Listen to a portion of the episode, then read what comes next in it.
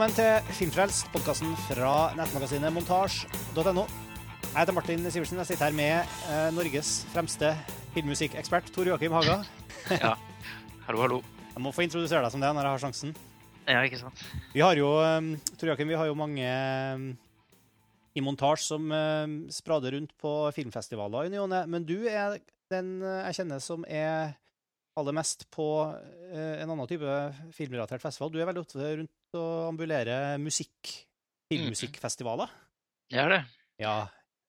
Hva Det er slags eh, Du er her i dag, bare for å si det til leserne, du har gjort et intervju med, med en filmregissør som heter Joe Dante, som vi kan snakke litt mer om eh, senere. Men liksom, hva, de her filmmusikkfestivalene, hvordan skiller det seg fra ordinære filmfestivaler? Hva slags type publikum og, og, og, gjester er det som kommer dit?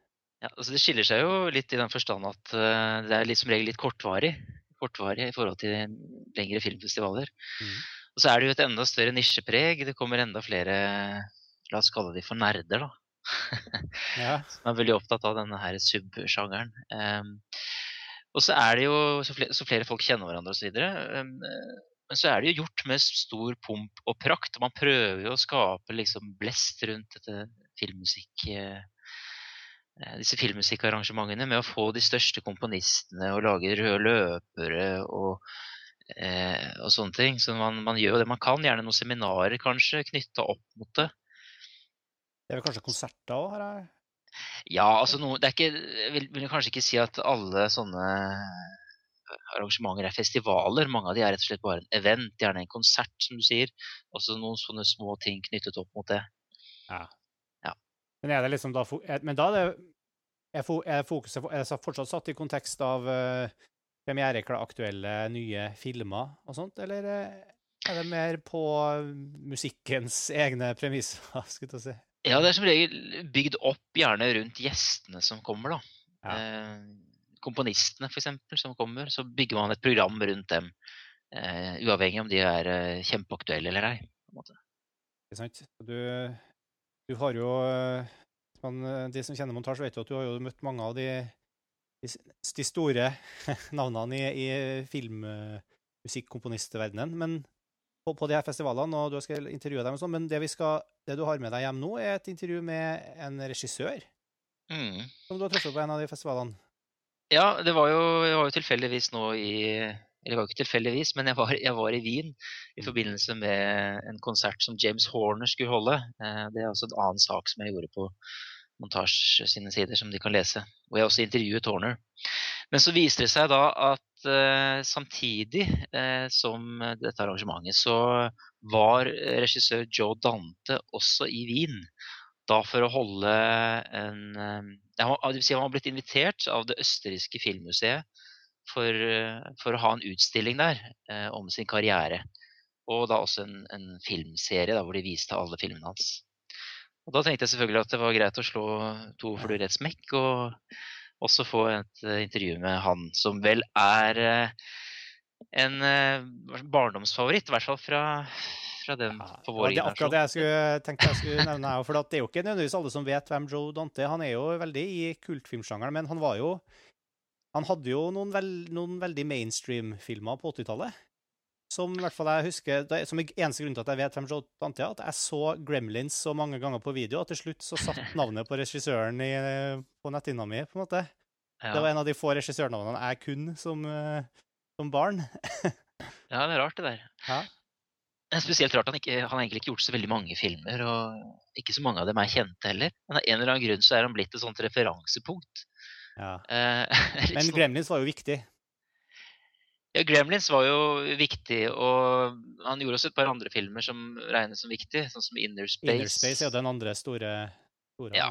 Mm. som skjer inni deg, ting som skjer inni kroppen til Dennis Quaid.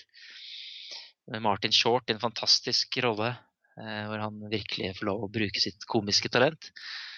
Og så er det jo Gremlins 2, da. og så er det jo eh, Piraya, den første Piraya-filmen, eksempel. Eh, Men ellers er det litt mer sånn eh, i sjiktet liksom rett under de store hitene. For eksempel så lagde han en film som het Explorers fra 1985, som følger på veldig mange måter eh, oppskriften fra ET. Men den ble jo langt ifra så så populær, da. Ja, for han lagde vel Gremlins sammen med Amblin og Steven Spielberg.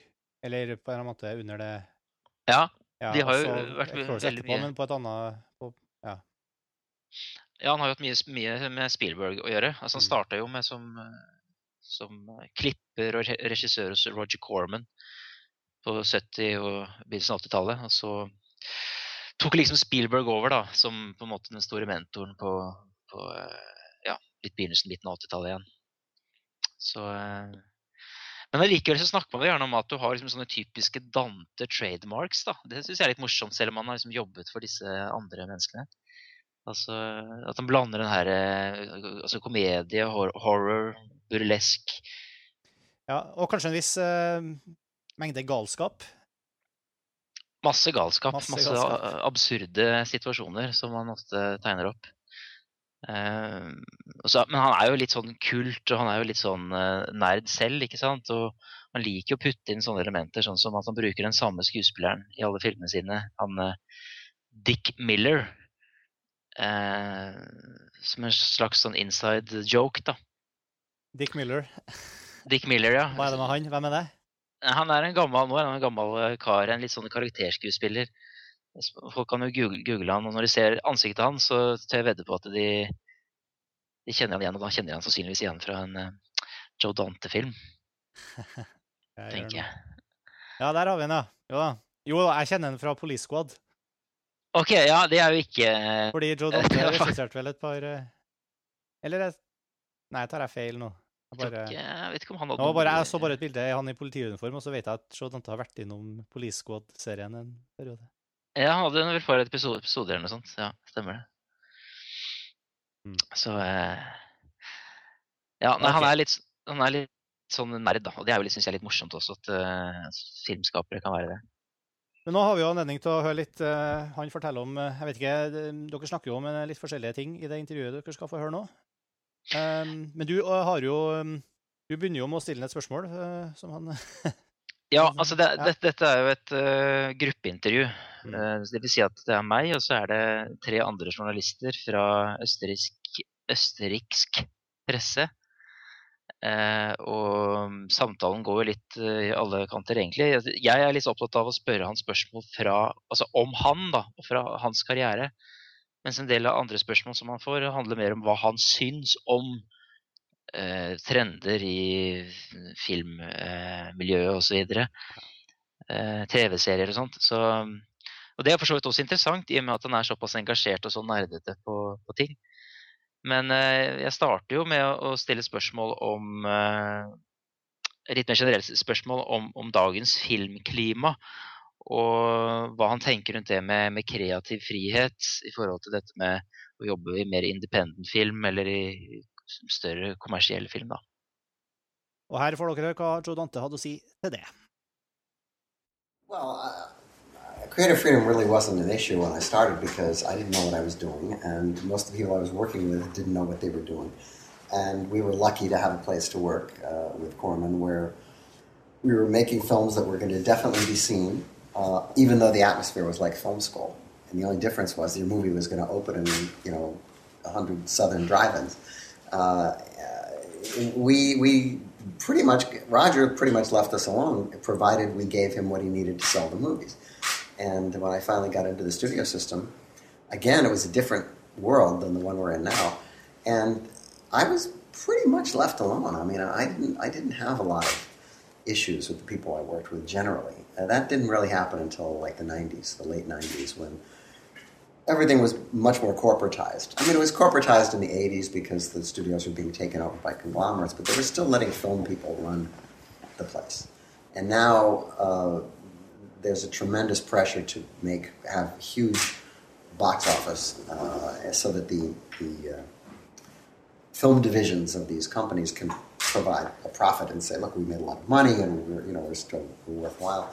Um, and so the kind of movies that get made today are very either very very very expensive or very very very cheap. And the kind of movies, the mid-range movies that I grew up on, and the movies that I used to make, are, are have sort of migrated to cable television now. So naturally, the more money you're spending on a movie, the more closely monitored the movie is. And so, uh, when people make these big, expensive blockbuster movies, they have a lot of people looking over their shoulder, and they try to homogenize the movie so in, a way that everyone will like it. And so they take, they cut the rough edges off, and they sand it down, and they take out the quirky things, and and it becomes more difficult for your personality to punch through.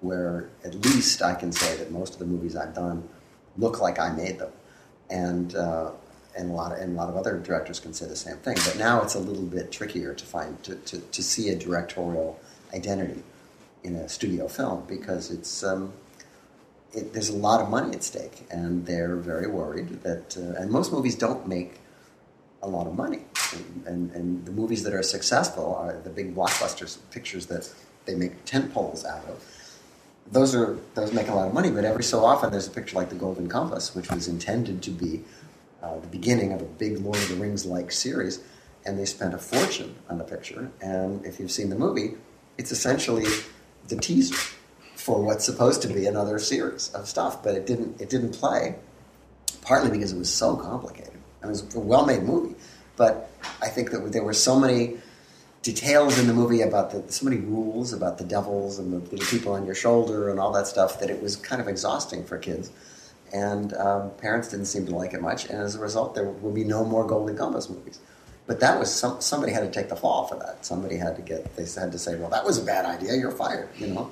So people are very concerned about making sure that things work, and and that in that way they, they do pay a lot of attention to what's being done. And, and, I think if you talk to any director, they would say that creatively, it's much more stifling now uh, than it was, you know, say 15 years ago.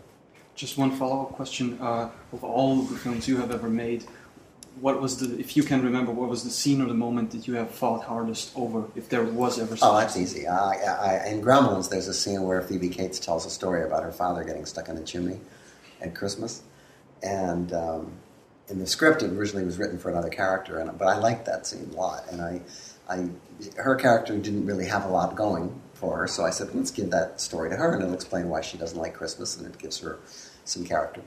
And uh, also, it's the kind of story where it's like slipping on a banana peel. If you see somebody slip on a banana peel from far away, it's funny. But if you're the one who slipped on a banana peel and you break your back, it's not funny. So audiences didn't know whether to laugh or not and they got they felt very uncomfortable when she was telling that story, which was exactly the mood I wanted for that picture. And so I insisted that they try to keep it in, and the studio was very, very unhappy with that scene. They didn't understand it. They thought it was depressing. They, they just couldn't figure out why I wanted it. And they did everything they could do to make me cut it out. And then we had this tremendous preview of the movie. And then, and then they said, well, it's a, it's a, we were, it's a wonderful movie. You just have to lose that one scene and uh, Spielberg backed me up and and didn't uh, make me cut it, and I'm I'm grateful because I still really like that scene. It's a great scene. Um, um, yeah. Following up on that uh, issue you talked about about uh, a director having his own stamp on a movie, because I recently saw uh, The Hole, and I uh, must admit that I wasn't aware that you had done it. So I started watching it and I thought, "Oh, this is a great horror film," sort of. And then it comes to the end, the finale, where they go down into the hole, and I thought, oh my, this is like a Joe Dante movie. because all those elements that we've seen previously. I would have thought Dick Miller at the door would have tipped you off. yeah, okay, that as well.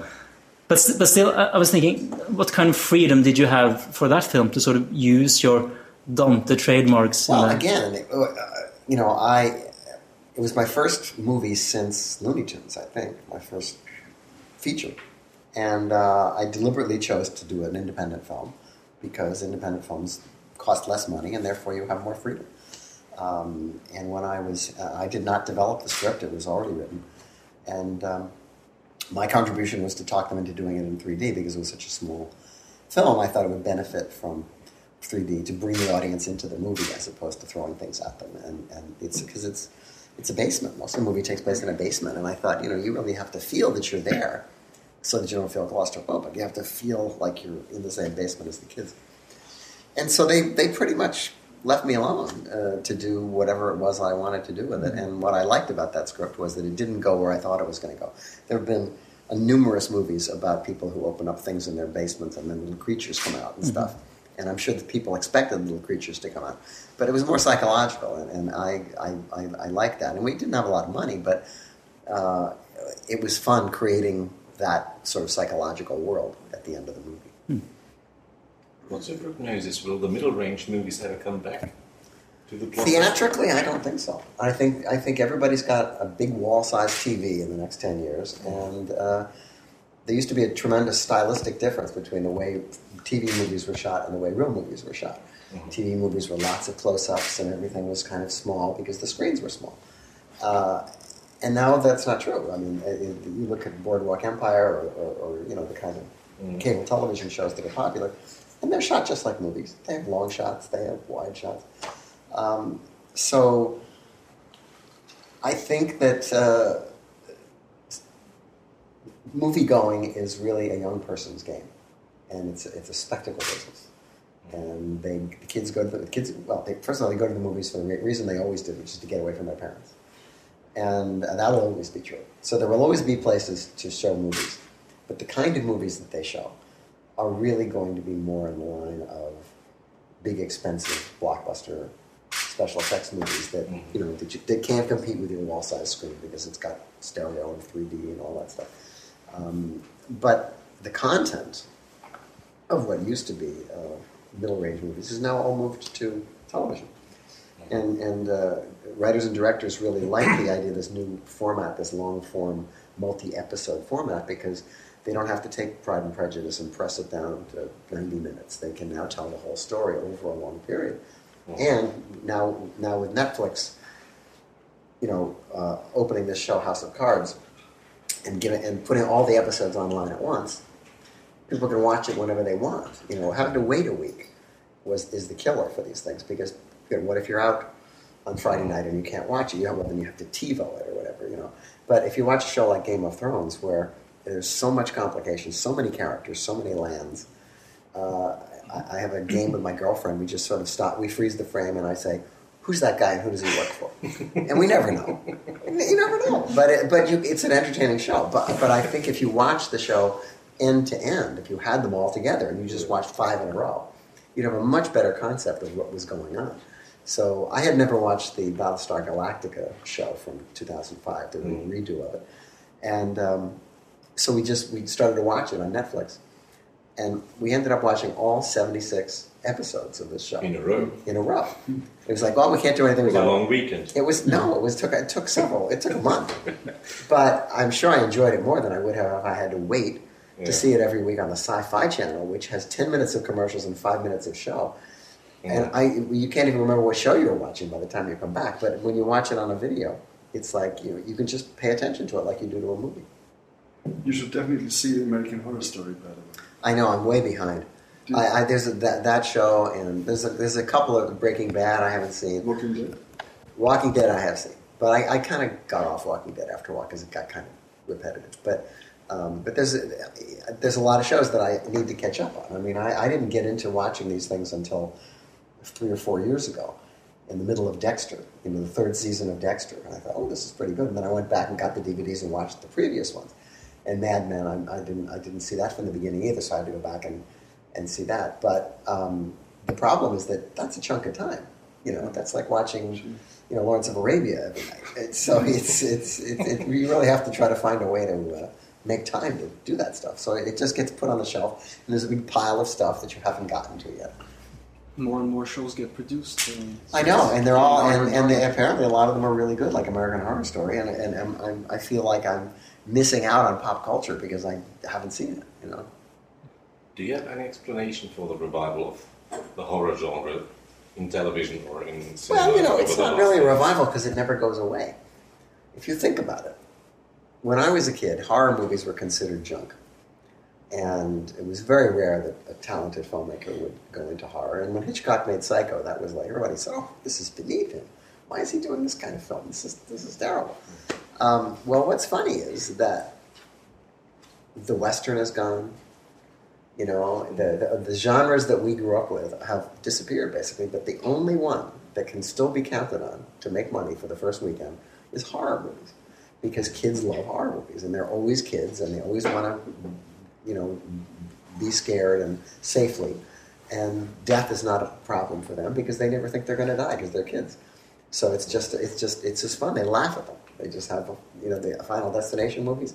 It's like a series of comedy sketches to kids. I mean, they just go, "Oh, he got hit by a bus. That's great. Oh, look, his head flew up." You know, I mean, they totally don't take it seriously. Is that because you have because you yourself have a sort of sense of the burlesque in your movies? You know, combining comedy with horror, which has been sort of one. Well, of I always thought that they're very allied. Yeah, Comedy and horror are very close to one another hmm. because it, the, it's it's absurd. Horror films are basically absurd unless you're very superstitious, uh, and comedy is also absurd. And and sometimes when things, when melodrama tips over into exaggeration, then it becomes funny. So I mean, I, I was brought up on the movies of James Whale, who you know when he made The Invisible Man, who's crazy.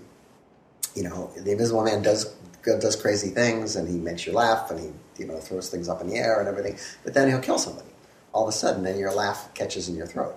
So uh, that kind of juxtaposition, I think, is is one of the things that makes the genre interesting and what make, catches audiences off guard, so that you can scare them and you can startle them because you have to relax them. You can't just play the fiddle like all the way at the top for the entire thing and have them be so tense that they can't watch the movie. You have to give them a little relief, which they used to call comedy relief. They used to have a character who was like a funny detective or something, and they would, oh, he's, when he's on, it's okay, you know. But but now it, it's you know the, the, the audiences are so savvy and so hip to these things because they've been watching them for so long hmm. that it's really tough to do something clever and different in the genre. There's still some people who only associate you with horror and fantasy things, but you're equally interested in, in human interest stories, in juvenile delinquency, in westerns, in Sure, but you know, you you you let- you make the movies they let you make. You know, if you're successful at some particular thing, then that's what you're known for, and that's what you're bankable for. Uh, and and after a while, you're glad you're bankable at anything because you know it's a lot of people. a lot of a lot of people come down the pike, and they all want your job. So at least if you have one place that they think that you're okay at, then at least you can count on that. But then again, ironically, almost none of your films really fall into one specific category or one specific genre. There is a lot of uh, what you just said in, in, in all of your films. A lot Yeah, of I do that on purpose, Yeah. just to keep them off their guard. Uh, can I ask you about uh, your site, uh, Trailers from Hell? Mm-hmm. Uh, could you tell us about uh, how that came about? Well, I don't know if you've noticed, but film history is rapidly going away in terms of the fact that people don't know about old movies and don't much care. Uh, when I was growing up, movies were on TV all the time, and uh, everybody knew all the old actors and all the old directors, and it was just part of our general culture. And uh, now, with all the other things that bide for people's time, uh, there's really little, very little sense of film history in the growing up uh, period of, of young people. And so I had all these trailers because I used to make trailers, and um, I in '35 I had a big collection, and I thought, I mean, I should. They're just sitting in a vault, nobody's looking at them. I should do something. Well, I can't rent a theater and run them. Who would come? So I said, well, maybe I can put them on the internet. And then I thought, well, gee, that's not even very interesting on its own. So I, I did some commentaries for about five trailers, and I put that up. It just sat there on the internet for a while, and then some of my friends saw it, and they said, "Ooh, that's interesting." I have a picture I'd like to talk about. It was originally only going to be horror and science fiction movies, but then it sort of broadened out. The more people got involved, the more different genres they chose. And before we knew it, uh, with no advertising, it's strictly word of mouth, uh, we had like 40 people, 40 filmmakers who were doing uh, Mel commentaries. Did they all come to you, or did you have to ask them to contribute? We, we asked a couple of people to come, but I mean, because some people didn't know about it. But a number of people came to us and said they'd just like to do it. And, and then when they saw the names involved, they, it was obviously not some fly by night organization. It was like we had some legitimate people. And uh, so now we're in a position where we've got almost a thousand trailers up there. And it's sort of a mini film school because people talk about what the movies meant to them or how they influenced their work or why they don't like it in some cases. They talk about, you know, even, even classic movies. We have people saying, I think this movie is overrated and here's why.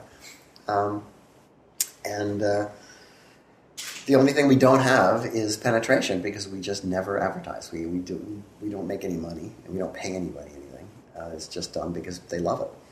And uh, so anybody who can tell anybody about it, um, you know, feel free to spread the word. Uh, Tarantino uh, do something? Tarantino said he was going to do it, and then he didn't, and then he said he was going to do it, and he didn't. But that's you know, we'll get him sooner or later. Um, I'm very interested in some of your collaborations, and I mentioned earlier that I'm very film music interested. And um, for the first couple of films you worked on, you, you worked with Pino Donaggio, and then Which I was, which I was thrilled. I mean, I couldn't believe that the guy who wrote, scored "Don't Look Now" was going to do the music for Piranha. It right, was like I just couldn't believe it. I said, "How could we possibly? Why would he want to do this?" and the You Brian De Palma films and all. Well, as it turned out, he was looking to get a foothold in you know American film, and and uh, he did a number of B pictures, uh, you know, before he got to Carrie and all that. But, but but then you switched to, to Jerry Goldsmith, of course, and and I, I'm sort of curious, what did you sort of see in Goldsmith and that made him sort of your musical? Well, I, I was I inherited Jerry. I didn't I didn't choose him. I, I was I was asked to do an episode of the Twilight Zone movie, and Jerry had already been hired because he had done Poltergeist, and uh, so excuse me, I met him.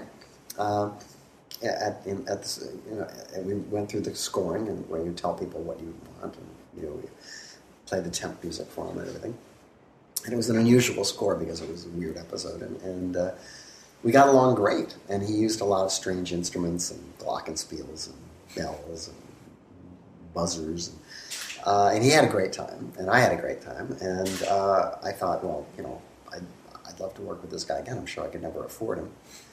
Uh, but then when Gremlins came along, I asked him if he would do it, and he said yes. And it went, and I ended up doing I think ten Hmm. pictures with him. And the last film that he did was for Was you. Looney Tunes, which he didn't actually finish because he couldn't he couldn't quite get all the way through it. Uh, but uh, it was it was really humbling to you know be, have made the picture that was his last score. How did your collaboration work out exactly?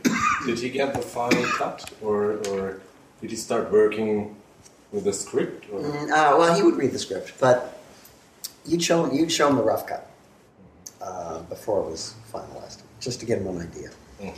And then he wouldn't want to see it again until it was exactly the right length, because there's no sense writing music for stuff that's going to get cut out. Although, you know, Jerry had a lot of scores thrown out. I mean, he wrote score, entire scores for some movies, and they just replaced them with others. And Legend is one. Um, that he wrote. He wrote. This, I think in the European version they use his music, and the American version it's Tangerine Dream. Uh, but that happened to all composers. I mean, everybody's had their score thrown out. Um, but we uh, we had a. I mean, I don't. I, I, I don't read music. I don't. I'm not a music person in that sense. But we just clicked, and and uh, I knew. And, and the great thing about it was that you, unlike Pino, when I worked with Pino Donaggio, I, I couldn't go to Italy for the scoring sessions because the movies were too cheap. So he would do the music send it back, and that's what we got. Whereas with Jerry, you'd be there, and if it wasn't quite right, or you needed a little different mood or whatever, you could just go up to him on the podium and talk to him, and he would work it out, and he'd write, and he'd re-record it. It was really great. It was a collaboration, and I had no business collaborating with him because I was just the director. Uh, I wanted to, to mention Innerspace, which is one of my fond childhood memories. Uh, of course, because of the, the effects and you know the which reminded me of the, the older film, the the Forbidden uh, movie. No, no, it was fantastic. Fantastic Voyage, but but also because of Martin Short's, I don't know, almost improvised uh, acting. How much improvisation? Well, it's actually it's we followed the script pretty well, but the thing about Marty was if you did, he, he would he would do a couple of takes, and then he would become Katharine Hepburn, and he would say, "Oh, Joe, one more take, please. You've got to give me one more." And you'd do maybe ten takes with him, and if you ran take one against take ten, you'd say, "Well, these are two different movies."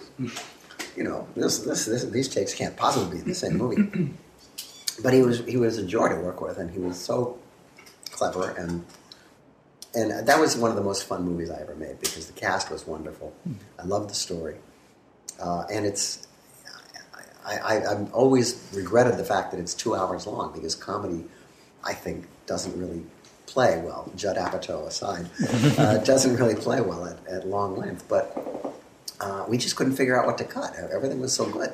I think it sustains is because of the, the all the things happening inside the body, which is almost. It's, it's very, I know it's great. They're They're great effects, and they actually are as good as you would get today, and they're all practical. They're all real effects. Um, I mean, when you went to when I went to ILM and saw these long uh, troughs that they had made to of, of inside body cavities that were in lucite, and they would go all over the soundstage, and the camera would like go through them. I thought, boy, this is amazing. There is no matte paintings or anything like that. No, no, it's all all ILM, and, and it, it deservedly won an Academy Award. Yeah. But how did the two, um, how did uh, Martin and, and Dennis Quaid play off each other? Well- how did that work out for improvising? Since they're only on camera in one scene together, Yeah, that's, that's Um, we got the sound guy to work out a, a deal so that every time, at, at any time Dan, uh, at any time uh, Marty was on the set, um, so was um, uh, Yeah. um, Dennis. Dennis. Yeah. So was Dennis, and they could hear each other, and they could talk to each other. So if Dennis i- i- i- is in the pod and he's talking, Marty is actually outside talking to him. Also, we had all these pre-recorded videos that we would play, and um, when Marty was in the um, restaurant scene with Meg Ryan, Dennis is like right over here in a little booth, and and they're, and they're talking to each other, and they're and they're able to ad lib, which made it completely different than the usual way, which is that one half of the conversation is pre-recorded, and the other actor just says the lines like phone call. Um, I knew that wasn't going to work, and so we we had this fairly radical at the time ring that we would just put around the actors that was a conductor, and um, it worked out really well. And their relationship, it's like a buddy buddy movie, except they're one of them's inside the other, so they never see each other. Yeah, I wanted to ask about because we haven't talked about Gremlins. That's weird. Maybe no. uh, but I was curious about the. Um, the Chris Columbus, he wrote the script, and sort of the realization of the creatures and the, the story. What was yours and what was Chris's? And Well, Chris uh, wrote the script as a um, writing sample, meaning to sh- uh, a, he sent it to his agent and said, "Look, this, this shows what I can do. It doesn't mean, necessarily mean it's going to be produced, but it, it shows you how I write." And Spielberg saw it, and he was getting into the idea of having his own company, Amblin, and he wanted to make a low-budget horror film. He thought that would be a good way to start out. So he, he bought the script and went to me, who had been making low-budget horror films. Um, and it was supposed to be cheap, but then it became apparent that in order to make it happen, it was going to be a little more expensive than a low-budget horror film. So he went to Warner Brothers and got the backing to make a more expensive movie. And Chris, um, the design of the gremlin is actually exactly the, described by Chris in the script. And in fact, I have a in my office I have a drawing he made that looks essentially like what the gremlins look like. The major Gizmo as well, or the Gremlins? Not Gizmo, the, the Gremlins. Gizmo was a little different. This, Gizmo we had to design ourselves, and, and Steven had to sign off on it. And so he was notorious for like not not picking the first or second or third version of anything. So we said, I know, we'll, we'll, we'll make Gizmo the color of Steven's dog, his cocker spaniel, and then which he, which he was doting on, his, and then he'll like it. He did it. He bought it. um, but the problem was that in the original script, after about 30 minutes, Gizmo turns into Stripe, the bad gremlin, and there's no more Gizmo. And as we approached production, Stephen said, You know, I, this Gizmo thing is really great. I love him. I think he should stick around for the whole movie. He shouldn't turn into the bad gremlin. He should be the, the hero's pal. And he should be around for the whole movie. Now, we we're very close to shooting, and, and this, this puppet has been designed to be to do the few things that he needed to do in the 30 minutes, but not to be a major character in the movie. We just we didn't have. He was just a bucket of bolts. I mean, there was just no way to make him do this stuff. Couldn't walk, you know. He, he, he, his face was not very expressive because he was this big, and we realized that we had to go into overdrive and build a giant gizmo head that was like really huge, so that we could manipulate it in close-ups and make it look like it was thinking and we never were able to make him walk. It was just impossible. So we said, well, we'll put him in a backpack. So we have carry him around in a backpack for the whole movie, and um, and we managed to pull it off, even though we really didn't have much time. But he was right. I mean, the reason the movie was as big as it was was was because of that. because if it had just been Gremlins for the second half of the movie, it wouldn't have had the heart that it has because the audience loves this little fuzzy character. And uh, once again, you know, Spielberg wins. Yeah, what's the influence of Spielberg? It's just a follow up. The influence of Spielberg in your career, if you can sort of assess Well, it. Some. I went from Roger Corman, who was a filmmaker, um, and if you had a question, you could ask him, and he would give you an answer based on the fact that he knew what he was talking about. Then I started to work for movie studios, where you ask somebody, you ask a question, and it goes up the chain, and somebody who doesn't know anything about movies sends it down, and you, you have a no, based on who knows what, or you don't even know who said no. And working with Spielberg was the same because he was also a filmmaker, and um, he's starting his own company. Um, he was riding high on ET, which was like a huge hit, and um, so Giz- uh, so Gremlins was considered by a lot of people to be uh, a an ET like movie because the poster had the same colors as ET. It had a fuzzy critter with his hand sticking out of a shoebox, and everyone went, "Oh!" And I saw the movie, and sure enough, he's very cute and adorable for the beginning of the movie, and then the big change comes when, in fact, the gremlins appear and they're all disgusting and they're blowing their nose on the curtains and doing anarchic, terrible things. And the studio was a little taken aback uh, when they saw the gremlins and they said, they're disgusting. You should cut them out, have less gremlins. And Spielberg, to his credit, said, okay, we'll cut them all out and call it people. Actually, when they play some German television in afternoons, they always cut it, unfortunately. Well, it's if you in order to fit it in a ninety-minute time slot, you'd have to cut thirty minutes at least.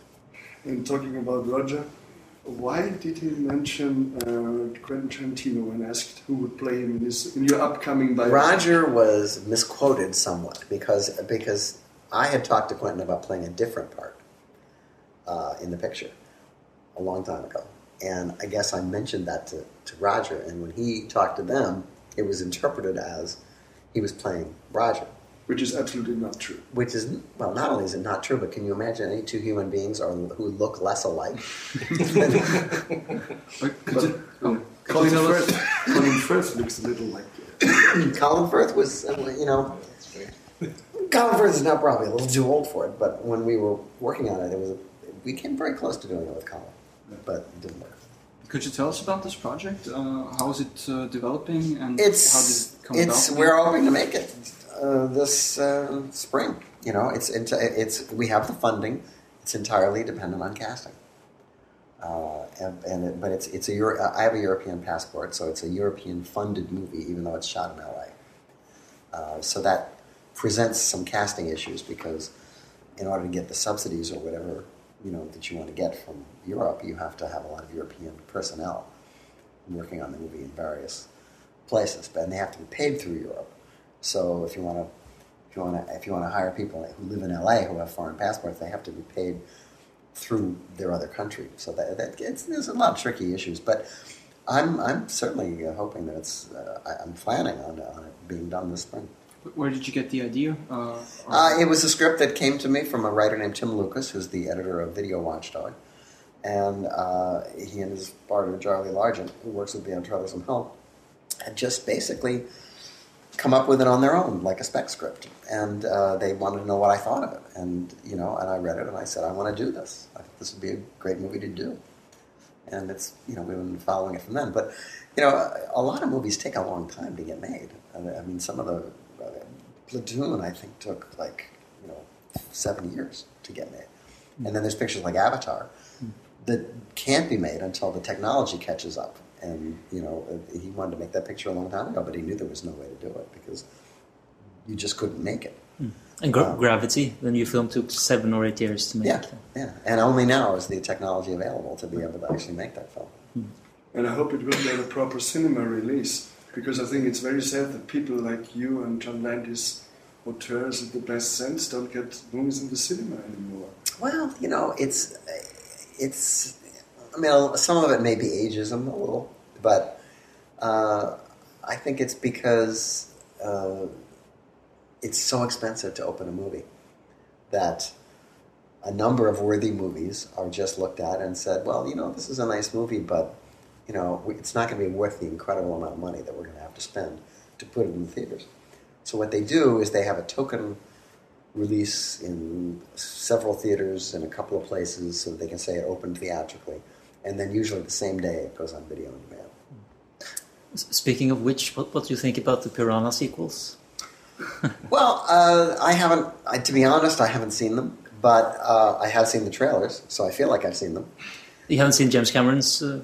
Oh no, James Cameron's film I saw. He Yeah. showed he showed it to me. He wanted to know what I thought of it, but that was I don't consider that the like like the new the, the new 3D Yeah, yeah.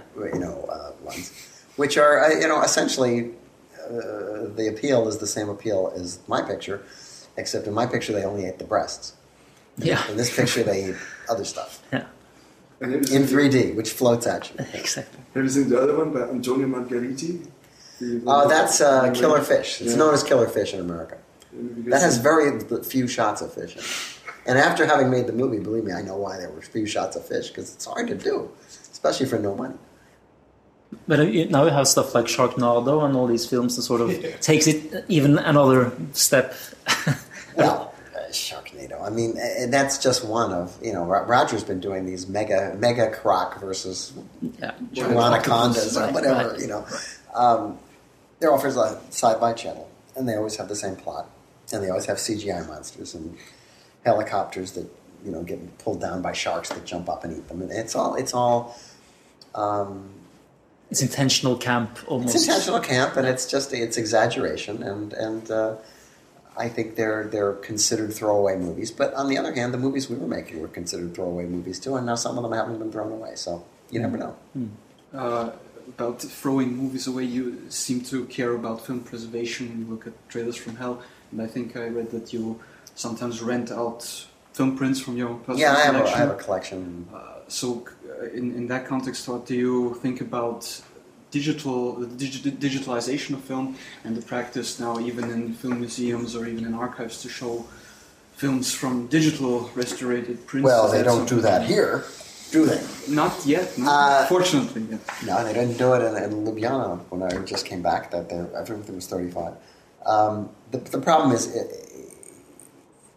it, it the, the world has changed. It is, and it happened faster than anybody thought it was going to happen. But digital is here to stay, and one of the reasons it's here to stay is because the studios uh, have killed thirty-five millimeter projection by telling telling the theaters that they'll help them convert to digital, but they've got to get rid of their projectors, and uh, because they don't want any more 35 millimeter film anywhere uh, for various reasons. One of which is that it's, it was expensive, but also they there was piracy that they're always worried about, and um,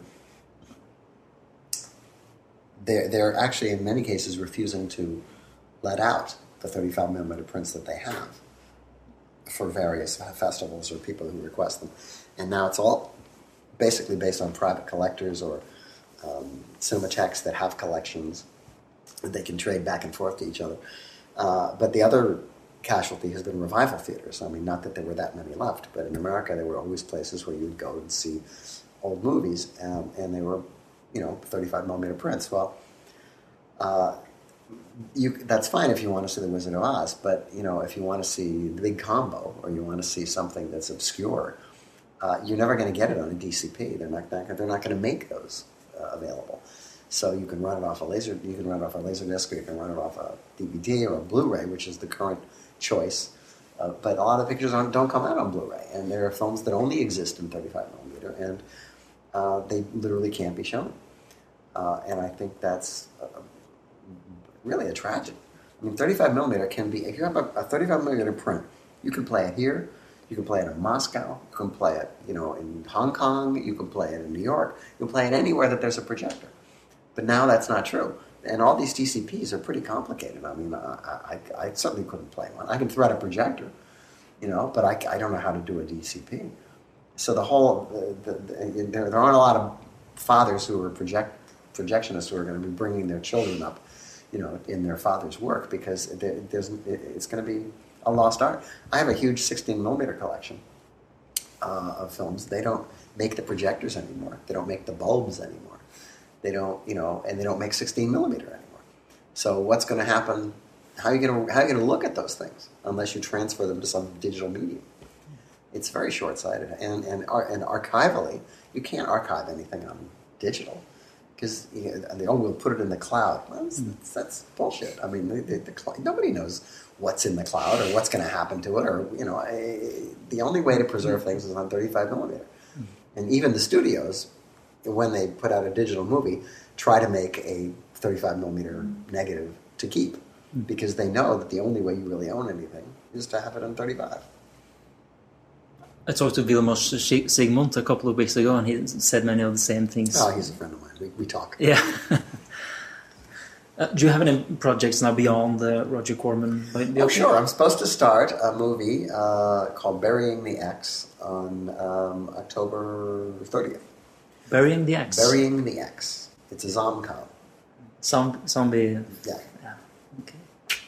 And for who, um, for which company? It's an independent, and uh, it's uh, you know not for not much money, but it's a funny script, and uh, it's going to be all shot in four weeks, and uh, uh, it's something that I've been nursing for a long time. And you know, you juggle all these things because you don't know whether or not you're going to get to make them. You don't know whether you're going to set it up, and then some actor drops out, and now it's all falling apart. So you've got to always have something up your sleeve, and uh, unfortunately, it takes a lot of time. One of the reasons I don't have I can't watch those TV shows is because it takes a lot of time to develop two or three different things, budget them, hmm. figure out. You know, it's as if you're making all you're making four or five movies. Hmm. You're really, if you're lucky, you're going to get to make one, and sometimes you don't get to make any. But you got to have the legwork done. But that one sounds like it's perfectly timed, though, with the zombie theme, which is so popular. days. Well, it's, some would say overpopular, some would say overused. Hmm. Uh, but this this is clever, and I think I mean it's it's not going to win any Academy Awards, but it's but it's it's a fun script. Who will be in it? Dick Miller? Uh, Dick, Dick is actually retired. He's what? He's retired. Yeah. Yeah, I mean he, he's in the hole because I asked him to do it, and there was no di- there was no dialogue. But uh, I, I have a, actually have a part for him that I'm going to ask him to do. Please. But he, I, I, I think he may say I'm retired. But I don't know. I'll, I'll find. Well, you'll see the movie. You'll find out whether he's in it. Uh, when, when will it probably premiere? Uh, well, if I'll be finished shooting in December, so I would guess it was spring or summer. Spring. Ja, Joe Dante hinter der, eh, tror jeg, Kim, om eh, muligheten for nye, ny film. Ja, han snakker jo om da denne Somcom, eller zombie-komedien, som han prøver å få finansiert. Som forhåpentligvis da vil ha premiere i eh, 2014. Pluss da denne biopicen om eh, Roger Corman, som også han har holdt på med i mange år. Så eh, det blir spennende å se om han får til noe av dette her. Ja, Hvilken av dem gleder du deg mest til?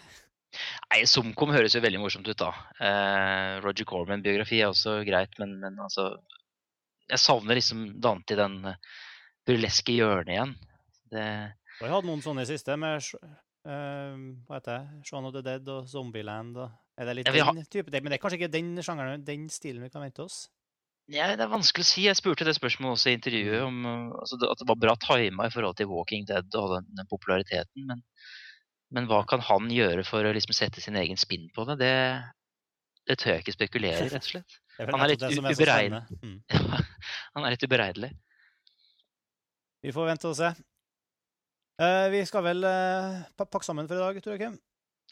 Ja. Filmfrelst er tilbake om eh, forhåpentligvis ikke så altfor lenge. Takk for oppmerksomheten. Vi høres, folkens. Ha det.